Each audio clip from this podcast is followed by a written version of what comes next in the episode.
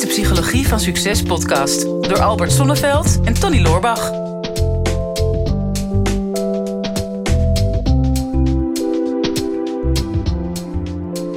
Albert, ik zat te kijken naar alle onderwerpen die wij hebben. Ja. Ik krijg superveel vragen binnen voor Ja. deze podcast. Dat gaat maar door, hè? Iets van 300 of zo nog in de backlog. Ja. Maar deze vraag was gewoon niet zo heel moeilijk om te kiezen. Dat meen je Het is niet. gewoon ons op het lijf geschreven. Ah, Deze gaat over keuzes maken.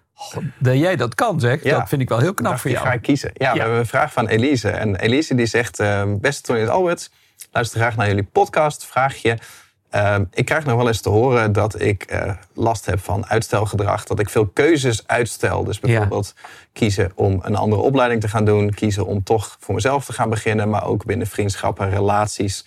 Om eh, te kiezen wat ik nou daadwerkelijk wil. Kun je iets vertellen over hoe je de juiste keuzes maakt? Ja, dat is ons wel eventjes inderdaad op het lijf geschreven. Ja, want jij hebt volgens mij een programma gemaakt en een boek geschreven. Ja. Kiezen vanuit je hart. Kiezen vanuit je hart. Dus dit komt echt recht uit mijn hart. Dus alle kijkers en luisteraars, ga een puntje voor je stoel zitten. Of waar je ook, en als je aan het wandelen bent, mag dat ook. Maar hou je vast aan de takken van de bomen.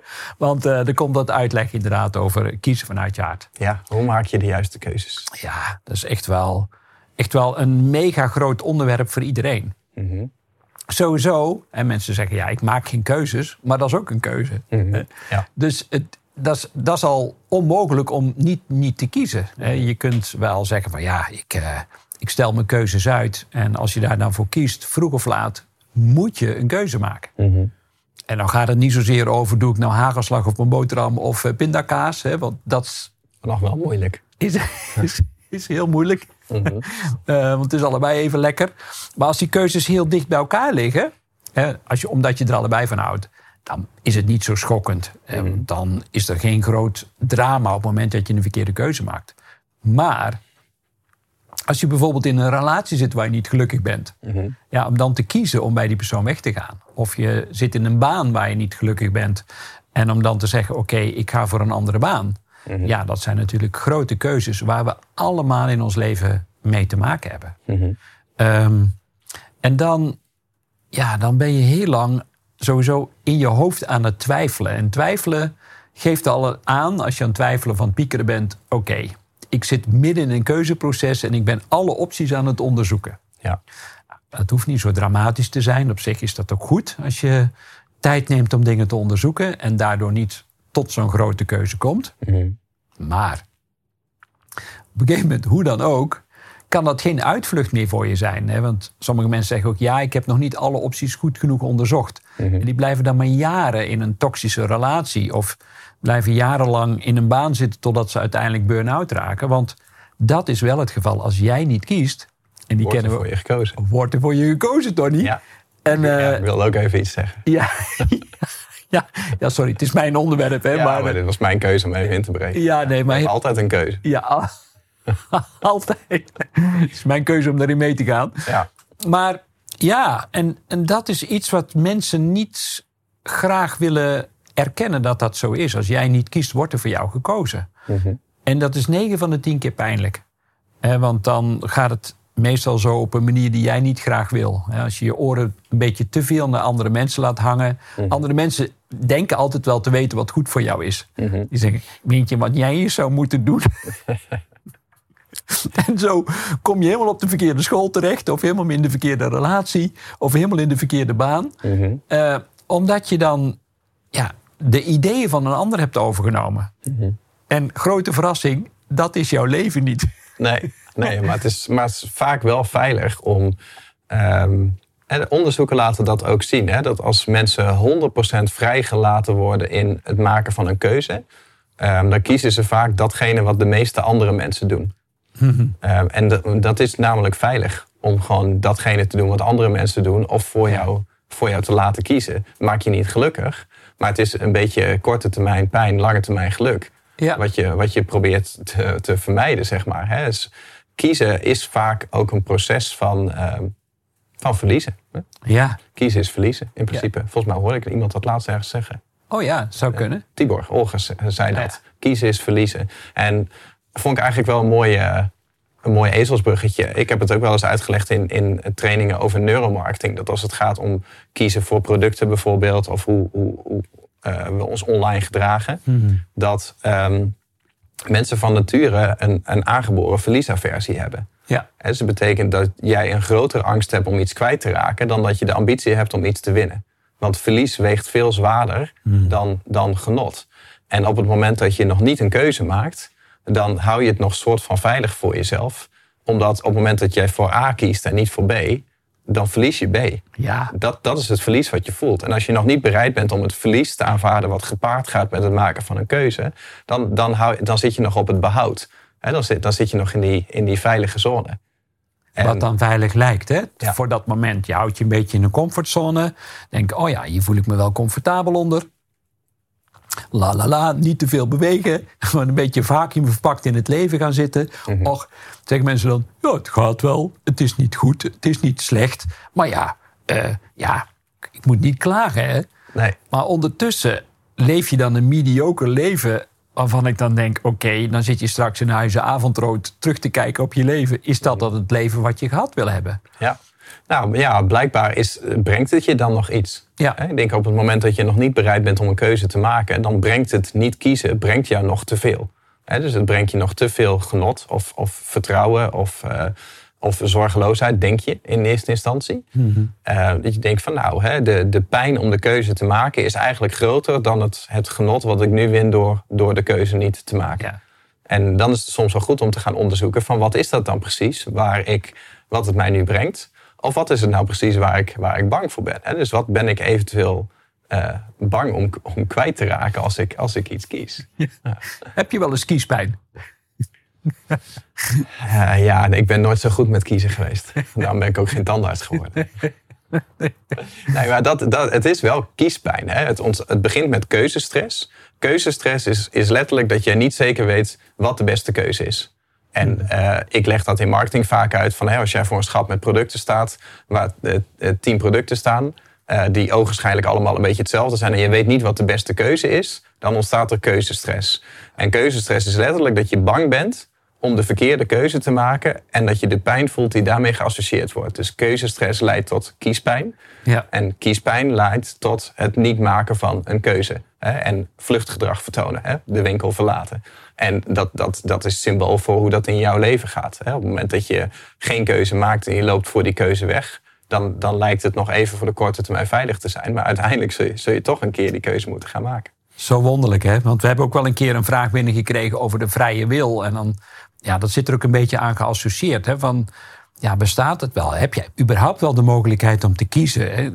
Of wordt er voortdurend voor jou gekozen? Nou, daar zijn al sinds, sinds mensenheugenis zijn daar wetenschappers en filosofen en mensen die met godsdienst bezig zijn, zijn bezig met die toch wel hele wonderlijke vraag van hoeveel vrije wil heb je eigenlijk en hoeveel wordt aangestuurd? Want veel van ons gedrag, en neurowetenschappers die zeggen dat 95% van ons gedrag vast ligt uh, als we zo rond onze 35ste jaar zijn. En dat zou dus betekenen dat heel veel van de keuzes die je maakt op een onbewust niveau naar boven komen. Je hebt eigenlijk geen idee. Nee. En daarom is het ook zo lastig om daarmee bezig te zijn. Van oké, okay, uh, komt dit signaal nu uit mijn darmen of komt dit nu uit mijn brein? En, uh, hersenwetenschappers die zeggen ja, denken komt er altijd achteraan. Dus dat is sowieso te laat. Dus je hoeft ook niet te veel na te denken over je keuze. Mhm. Want dat is altijd achteraf beredeneren. In mijn boek Kiezen vanuit je hart zeg ik ook van ja, iedere keuze maak je vanuit je hart, vanuit je intuïtie. En daarna ga je redenen bedenken Mhm. om die keuze te rechtvaardigen. Ja. En het leuke is, je geeft jezelf altijd gelijk. Hè? Ja. Want het voelt goed of het voelt niet goed, maar waar komt dat dan vandaan, dat gevoel? ja, emotie gaat boven ratio. Ja. Als jij een product koopt in de winkel of online, dan jouw emotie koopt het product. En het is jouw rationele brein die achteraf goed praat waarom jij die aankoop hebt gemaakt. Zelfs als je niet tevreden bent. Hè, in de psychologie noemen ze dat een, een cognitieve dissonantie. Je bent eigenlijk ontevreden over je aankoop. Maar omdat je dat niet aan jezelf toe durft te geven, praat je de aankoop recht. Ja. Van, ik heb eigenlijk te veel geld uitgegeven, want bij de concurrent was het goedkoper. Maar omdat ik de duurste had, weet ik wel zeker dat het goed is. Zal de service wel veel beter zijn. Ja. Dus, dus, dus je verstand wil je gevoel altijd, altijd recht praten. Ja. En uh, ik denk dat het heel goed is om je te realiseren dat de meeste keuzes die jij maakt, maar ook de keuzes die je niet maakt, die komen natuurlijk vanuit, vanuit een emotie. En jouw emotie is niet, niet altijd dezelfde. Um, en de manier waarop jij naar de wereld kijkt, is ook niet per se hetzelfde zoals andere mensen naar de wereld kijken. Ik denk de keuzes die jij maakt, lijken een soort van objectief rationeel te zijn, maar dat zijn ze natuurlijk niet. Zoals jij de wereld ziet, wat jouw perceptie is, dat komt voort uit alle ervaringen die jij in jouw leven hebt gehad. Alle overtuigingen die jij jezelf hebt aangeleerd. Het, karakter wat mede gevormd is door de mensen waar jij heel veel mee om bent gegaan. De normen en waarden die je over hebt genomen van anderen. Het feit dat je nu een shirt aan hebt wat je helemaal hip vindt en fantastisch.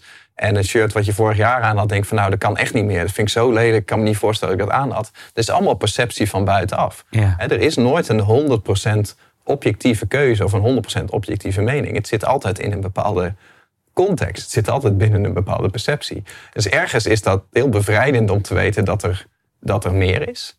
Uh, maar het kan ook wel beknellend zijn om te weten dat het heel moeilijk is om daaruit te stappen. En dat is denk ik wel wat echte vrijheid mhm. is. Echte vrijheid is altijd een keuze hebben. Maar, maar, een echte keuze. In wat voor situatie je zelf ook hebt gemanoeuvreerd. Dat ook als je denkt dat er even niet een keuze is, dat je realiseert dat er altijd een keuze is. Ja, en dan hoor ik al mensen denken. Dat is heel knap, maar dat hoor ik. Ja, wel. wordt vooraf opgenomen. Ja. ja, jullie hebben makkelijk praten, Albert en Tony. Want uh, ja, weet je, ik heb nu een, een, zieke moeder voor te zorgen. Mijn zoon is aan de drugs. En uh, ja, ik zit met een huurachterstand van vijf maanden. En uh, daar heb ik niet voor gekozen. Mm -hmm. dus ja, nu zit, maar ik zit wel met die situatie. Mm -hmm.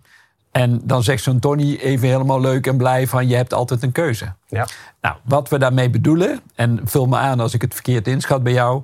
Maar je hebt niet altijd invloed op de situatie waar je in zit. dus ja, als je mantelzorg hebt voor je moeder op dat moment, of je bent ontslagen, of je komt in een andere vervelende situatie terecht, daar heb je absoluut geen invloed op. Tenminste, mhm. niet dat wij denken, bewust. Dan gaan we ook mhm. weer op de vrije wil. Misschien overkomt je dat. Maar hoe je ermee omgaat, daar heb je keuze op. Daar heb je absoluut keuze in. Je kunt zelf bepalen. En dat is natuurlijk een beetje een jeukopmerking inmiddels. Maar is, is het een tegenslag of is het een uitdaging? Mhm. En ja, voor mij is het altijd zo dat ik, ik s'morgens en gedurende de dag regelmatig voor mezelf realiseer: oké, ik zit nu in deze situatie, ik kom in een file terecht. Mhm. Wat kies ik dan? Ga ik dan een beetje gefrustreerd op het dashboard zitten bonken? Mhm. of, of zeg ik tegen mezelf: Oké, ja, dit is nu eenmaal de situatie. Waar heb ik op dit moment invloed op? Kan misschien de persoon waar ik naartoe ga een afspraak mee heb even bellen. Of um, kan even een ontspanningsoefening doen voor mezelf. Kan even een muziekje luisteren of kan naar een leuke podcast luisteren. Ik heb nog wel een paar suggesties. Mhm. En um, ja, dan in één keer van het ene moment op het andere is het de frustratie van die file, waar ik niks aan kon doen, waar ik nu eenmaal onderdeel van ben geworden kan een heel ander moment worden waarin ik zelfs denk van, oh, ik ben heel blij dat ik nu in de rij bij de kassa sta, want dan kan ik even een microbreak doen van 90 seconden om weer eventjes bij mezelf te komen. Ja. Dus ik ben blij dat ik even mag wachten. Wachten is dan voor mij geen geen verloren tijd, maar dat is dan even gewonnen tijd. Zodat ik even een moment heb om mezelf weer te herstellen. Ja, wees blij dat je überhaupt voor een kassa kan staan. Dat je daar daadwerkelijk iets te zoeken hebt. Dat je daar daadwerkelijk iets kan doen. Er zijn genoeg mensen op de wereld die überhaupt niet eens bij die kassa daadwerkelijk dat hadden kunnen doen wat jij had willen doen. Nee. En, dat, dat is inderdaad precies het punt. Hè. De, je hebt altijd een keuze, niet om de situatie te veranderen, maar wel om uh, te, te veranderen hoe jij daarop reageert. En ook wel om te relativeren. Kijk, ik denk als je binnen jouw eigen referentiekader denkt, in je eigen leven, hè, om maar heel tastbaar te maken dat de uitdagingen die jij in je leven hebt, de vraagstukken, de keuzes die je moeilijk vindt, dat lijken voor jou lijken dat de moeilijkste keuzes ooit. Hmm. Uh, de uitdagingen die jij in je leven hebt, vind je heel moeilijk om uh, te relativeren dat andere mensen die uitdagingen misschien ook hebben. En het is ook geen, geen wedstrijd. Hè? Dat de ene grotere uitdaging heeft dan jou. Het is gewoon wat er binnen jouw leven past, is voor jou een hele grote uitdaging. Maar de uitdaging die jij hebt, of de keuze die jij misschien hebt, is voor jou misschien heel moeilijk. Maar voor iemand anders in een net iets andere situatie is die keuze misschien heel makkelijk. Ja. En ik denk wel dat het goed is om, om als jij moeite hebt met keuzes. Je kan natuurlijk gaan denken van oké, eh, bijvoorbeeld ehm, ik wil uit deze relatie. Maar ik durf de keuze niet te maken. Dat je in jezelf gaat te kijken van oké, ik durf die keuze niet te maken, dus ik ben bang dat ik iets ga verliezen. Wat, wat, ben ik dan, wat ben ik dan precies bang om te gaan verliezen in die relatie? Ehm, ik wil voor mezelf gaan beginnen, maar ik durf dat niet te gaan doen. Dus je bent bang om iets kwijt te raken. Er zit nog te veel comfort in het niet kiezen. Of om de keuze uit te stellen van nou, waar zit, waar zit dan precies die angst? Maar als, als dat het niet is, om te gaan kijken van andere mensen die dit soort keuzes maken, hoeveel, hoeveel moeite hebben zij daarmee? Uh, en en dat, kan, dat kan heel erg relativeren. Om het te vergelijken met een andere, veel moeilijkere keuze van iemand anders. Dat je denkt van ja, waar, waar, waar maak ik me eigenlijk druk om? Ja, ja, mooi. Want dat is denk ik wel um, ja, van heel groot belang. Dat mensen gaan beseffen: oké, het gaat altijd door bepaalde filters heen. op het moment dat ik een keuze maak. Hè, dus altijd door mijn eigen beeld van de wereld. Maar hoe uh, weet ik nu of ik de juiste keuzes maak? Mm -hmm. uh, we hebben al gezegd: ja, dat komt vanuit je hart. Nou, er zijn allerlei onderzoeken voor. En dat leg ik dan in de, in de cursus uh, Kiezen vanuit je hart. leg ik dat wat uitgebreider uit. En ook in het mm -hmm. werkboek. Maar ik kan nu al een klein tipje van de sluier optillen. Uh, en in ieder geval de indicatie geven wanneer weet je nu dat je op het juiste spoor bent. Op het moment dat je gaat kiezen, dan merk je al dat je je op een bepaalde manier lichter voelt. Uh, en dat is ook een vraag die ik tegenwoordig steeds vaker stel. Ook van, voelt het licht? en dat is al, hè, want als je voor, voor keuze A of keuze B staat... ja, wat is dan... Wat voelt dan wat zwaarder, fysiek zwaarder? Of is het misschien ook donkerder? Ja. Uh, en wat is lichter? Dat is al. En, en, dan ga ik ook met mijn aandacht naar mijn hart. Hè, want dat is dan de plek waar ik denk dat ik gevoelig genoeg ben om te voelen van... oh ja, dit bezwaart mijn hart. Hè, of het geeft me een zwaar gevoel. Of het voelt letterlijk en figuurlijk lichter.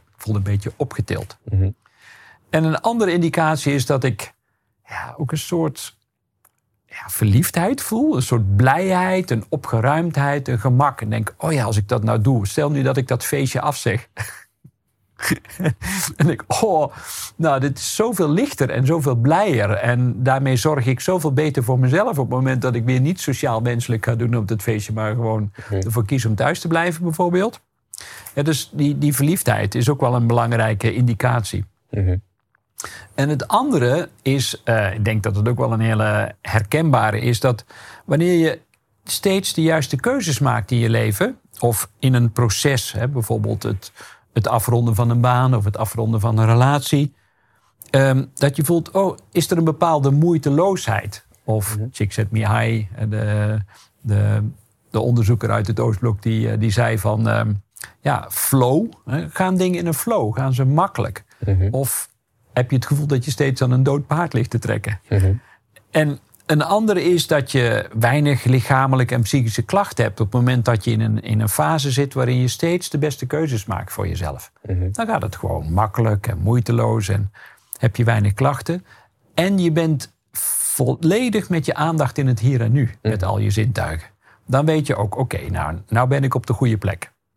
Want de andere kant is ook waar. Hè? Als je ja, voor een keuze staat en je voelt je voortdurend gestrest. En je hebt het gevoel dat je ja, een, een, in de beklemming zit. Dat je het vastzit, dat je voor jouw gevoel geen kant op kan. Mm-hmm. Dat je het gevoel hebt van... Oh, pff, ik, ben allemaal aan het piekeren. Ik voel me somber. Hè, want piekeren is de twijfel in je hoofd. Dan probeer je nog wat controle te houden, maar dat lukt dan niet.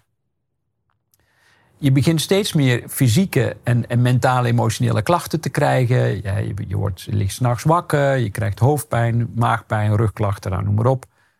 En je bent voortdurend met je gedachten in de toekomst of in het verleden. Mm-hmm. Ja, dan weet je al, je zit gewoon niet in het juiste gebied om nu een keuze te maken. Of uh, je, nu, nu, moet je wel. Het leven dwingt je als het ware nu om een stap te zetten. om het letterlijk en figuurlijk weer lichter te maken voor jezelf. Mm-hmm. Want zoals ik er naar kijk, is het niet de bedoeling dat je hier alleen maar moet lijden en dat je moet afzien en dat je wordt gestraft voor de dingen die je hebt gedaan. Maar het leven is echt bedoeld om leuk, licht en luchtig te zijn. Maar ja, dan zul je soms wel keuzes moeten maken. In eerste instantie die wat korte pijn geven, maar uiteindelijk lang geluk. Ja. Nou, lijkt mij, uh, lijkt mij al een hele goede samenvatting. Ja, ik zit echt helemaal gebiologeerd naar dit verhaal te luisteren. En mezelf te verplaatsen in mijn, eigen, in mijn eigen keuzestress af en toe. Maar ik denk, weet je, het is ook goed om te realiseren dat um, moeite hebben met kiezen ieder, ieder mens heeft dat. Ja. En jij hebt mij ooit uh, verteld, hè, niks geeft meer rust dan een genomen besluit. Mhm. Ik denk, ja, dat, dat, dat vond ik toen een hele mooie opmerking.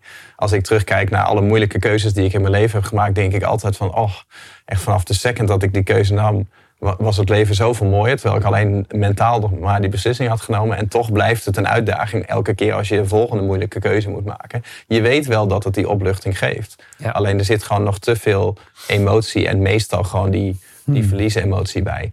En eh, ja, dat is, dat is denk ik wel een goede om, eh, om bij stil te staan. En dat kan je uit deze podcast kan je dat denk ik goed, wel goed halen. Ja, ja, volgens mij hebben we weer een beetje weg geholpen. Ja. En eh, Tony, gaan we daar nog iets meer mee doen met kiezen vanuit je hart? Want ja, nou ik dacht wat sowieso wel leuk is. Jij noemt jouw boek. Ja, Dat we even weer een keer wat boekjes gaan weggeven. oh ja, joepie. Ja, is er ook wel wel- weer helemaal de tijd voor ook. Het is toch leuk om alweer cadeautjes uit te delen. Ja, we gaan sowieso, eh, volgens mij komen er wat meer dingen aan op het gebied van kiezen. Eh, wat eh, webinars wat op de planning staan, eh, trainingen. En eh, daarvoor moet je ons gewoon eh, blijven volgen. En als je nog niet op onze mailinglijst staat, hè, dus als je geen mailtjes van ons krijgt, raad ik jou om dat even te doen.